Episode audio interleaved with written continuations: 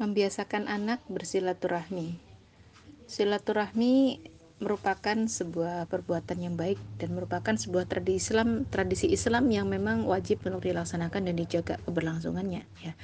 Dan yang disebut dengan silaturahmi di sini adalah menyambung tali persaudaraan terhadap kerabat ya yang sekiranya masih berhubungan karena adanya pertalian rahim ya silaturahim ya.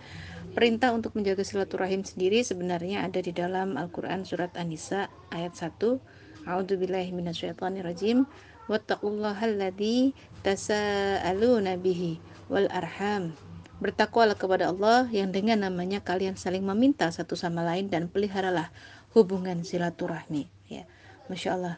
Ini merupakan sebuah perintah ya merupakan sebuah perintah yang Allah sendiri juga pernah sebutkan di dalam 25 Orang-orang yang merusak janji Allah setelah diikrarkan dengan teguh memutuskan apa-apa yang Allah perintahkan supaya dihubungkan silaturahim serta melakukan kerusakan di muka bumi akan memperoleh laknat dan bagi mereka tempat kediaman yang buruk yaitu neraka jahanam. Jadi orang-orang yang memutuskan silaturahim mendapatkan celaan dari Allah. Terutama yang dimaksud di sini adalah yang menyambungkan hubungan silaturahim tadi dengan hubungan pertalian ada hubungan pertalian rahim di situ. Jadi karena adanya perintah dan juga adanya laknat atau celaan dari Allah kepada siapa saja yang memutuskan silaturahim menunjukkan bahwa silaturahim sendiri merupakan sebuah kewajiban. Dalam hadis juga Rasulullah bersabda, bersabda wa mangkana yu'minu billahi wal yaumil akhir fal yasil rahimah. Siapa saja yang mengimani Allah dan hari akhir, hendaklah ia memelihara silaturahim.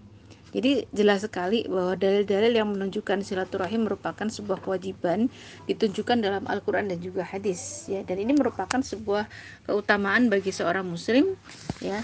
Dan memang ini menjadi satu hal yang saat ini juga umum. Ini apalagi jerang uh, Syawal seperti saat ini ya. Karena memang selain silaturahim bermanfaat ya untuk memperkuat jalinan persaudaraan dalam keluarga-keluarga muslim juga dapat menjadi media bagi pembiasaan dan pendidikan yang baik ya bagi keluarga muslim khususnya bagi anak-anak kita ya dan sisi lain juga bisa sebagai media dakwah dan juga penyampaian dakwah atau syiar Islam kepada saudara-saudara kita. Nah, sekarang yang jadi permasalahannya siapa yang disebut kerabat ya di dalam Islam mengingat silaturahim ini merupakan kewajiban untuk tetap dijaga dan juga adanya larangan memutuskan silaturahim dengan kerabat. Nah, sekarang kerabat yang dimaksud itu siapa? Yang pertama ada kerabat yang dapat menjadi ahli waris dari seseorang. Nah, ini kerabat yang pertama. Kerabat yang kedua, kerabat yang bukan merupakan ahli waris tapi masih punya hubungan darah. Kan ada kerabat yang seperti ini. Nah, kerabat ahli waris biasanya tersantum ya di dalam penerima warisan seperti ayah, ibu, saudara, anak dan lain-lain. Sedangkan yang bukan ahli waris ini disebut dengan asobah atau mereka yang digambarkan e, bibi misalkan contoh bibi dari pihak bapak atau dari ibu ya kakeknya dari ibu putranya dari anak perempuan putra dari saudara perempuan anak perempuan dari saudara laki-laki putri dari paman an, e, pihak bapak ibu paman dari ibu anak laki-laki dari saudara seibu. Ya dan siapa saja yang punya hubungan keluarga dekat dengan mereka dan ini tidak berhak mendapatkan warisan. Dan mereka juga tidak berhak mendapatkan nafkah tapi mereka termasuk kerabat yang juga tetap wajib dijaga hubungannya dengan silaturahim. Nah e, karena memang banyak sekali kebaikan dan pembelajaran yang bisa diberikan orang tua kepada anaknya berkaitan dengan kewajiban silaturahim maka di sinilah kemudian e, kita perlu melihat ya bagaimana orang tua seharusnya mengajarkan kepada anaknya supaya mereka pun juga memahami kebaikan dari silaturahim. Ada beberapa hal yang bisa dilakukan. Yang pertama, mengajarkan dan membiasakan anak-anak kita untuk berbakti kepada orang tua, kakek nenek, bibi, jadi pihak-pihak yang lebih tua yang sekiranya memang layak untuk mendapatkan prioritas utama dalam silaturahim. Di dalam hadis Abu Hurairah e, pernah berkata, Seseorang pernah datang kepada Nabi dan bertanya, Siapakah yang berhak mendapatkan perlakuan yang sebaik-baiknya? Rasulullah menjawab, ibumu, lalu ayahmu, kemudian saudara perempuan dan saudara laki-lakimu. Masya Allah. Jadi ini ada urut-urutan dalam hadis Rasulullah digambarkan demikian. Itu yang pertama, ya mengajarkan, membiasakan berbakti kepada orang yang lebih tua kepada anak-anak kita. Yang kedua, latih anak kita untuk memiliki kepedulian terhadap keadaan kerabat kita. serta ajarkan mereka juga untuk membantu yang sekiranya memang kekurangan. Tunjukkan kepada anak-anak kita kisah-kisahnya sejarah-sejarahnya saudara-saudara kita. Lalu mereka setelah tergambar maka dorong mereka ya untuk bisa membantu saudara-saudara mereka yang sekiranya mereka sanggupi untuk bisa memberikan diberikan uh, pertolongan kepada mereka. Hal ini juga pernah dilakukan oleh uh, Rasul saat itu ya. Ada sahabat Salman bin Amr Amir menuturkan bahwa Nabi pernah bersabda, sedekah kepada orang miskin itu sedekah satu kali.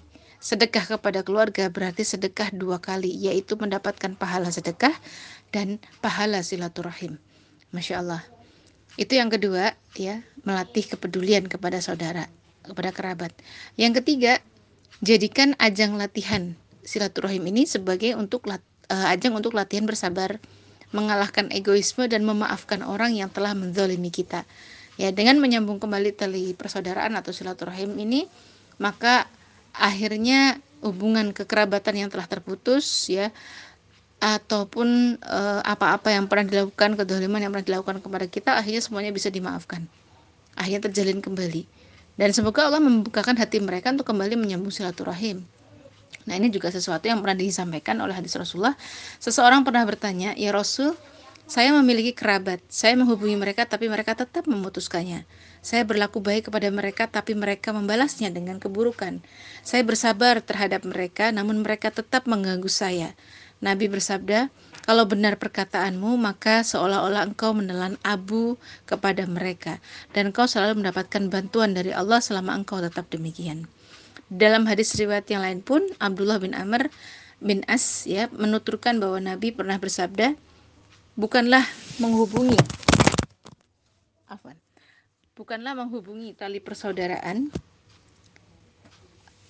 atau silaturahmi itu adalah seseorang membalas hubungan kebaikan, namun menghubungi persaudaraan itu adalah menghubungkan kembali persaudaraan jika kerabat memutuskannya. Itu yang ketiga, ya. Yang keempat, Jadikan silaturahim ini sebagai media untuk menunjukkan syiar Islam. Sekalipun terhadap kerabat yang bisa jadi berbeda keyakinan, ya Rasulullah telah mencontohkan bahwa saat itu ketika Allah menurunkan ayat Quran Asyura 214, wa andir asirataka al aqrabin. Berilah peringatan kepada sanak, sanak keluargamu yang terdekat. Maka saat itu penu, e, sebagaimana dituturkan oleh Abu Hurairah, Rasulullah segera mengumpulkan kerabatnya seraya berseru ya kepada kerabatnya tadi supaya mereka disuruh untuk masuk Islam. Masya Allah. Jadi dulu Rasulullah pernah mencontohkan yang demikian.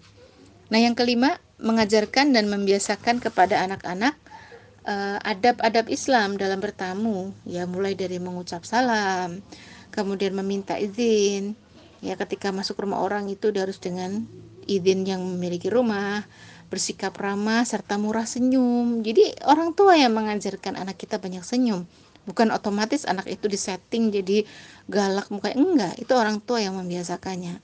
Nah, jadi hal ini didasarkan pada hadis Rasul. Jika kalian saling e, berjumpa, maka ucapkanlah salam dan berjabat tanganlah. Jika kalian e, berpisah, maka berpisahlah dengan ucapan istighfar. Ini ada hadisnya. Lah senyummu di hadapan saudaramu adalah sedekah. Jadi ajarkan anak-anak kita ramah, banyak senyum, bagaimana bisa bersopan santun kepada orang tua. Nah, kemudian di hadis yang lain seorang tamu yang masuk ke rumah saat suatu kaum hendaklah duduk di tempat yang ditunjuk kaum itu sebab mereka lebih mengenal tempat-tempat aurat mereka. Jadi nggak asal masuk, asal duduk. Tanya dulu saya duduk di sebelah mana. Ya, karena apa bisa jadi kita melihat aurat yang tidak seharusnya kita lihat kan. Pemilik rumah jauh lebih paham Artinya kan ini merupakan sebuah penggambaran bahwa mengajarkan anak-anak kita ketika bertamu dengan adab pun itu adalah menjadi sebuah kewajiban orang tua. Nah inilah ya kebaikan-kebaikan sekiranya tadi ada lima kebaikan yang bisa diajarkan seorang ibu, ibu yang soleha untuk bagaimana anak-anak kita bisa diteladankan atau diteladani uh, dalam bersilaturahim. Semoga hal ini semua memudahkan kita untuk senantiasa bisa menjalin komunikasi, menjalin silaturahim dengan kerabat dan sanak, sanak saudara kita. Dahulukan sanak saudara kita ya karena bagaimanapun mereka adalah orang-orang terdekat yang kita diwajibkan untuk menyambungkan tali silaturahim tersebut. Sekian semoga bermanfaat. Selamat hari raya. Assalamualaikum warahmatullahi wabarakatuh.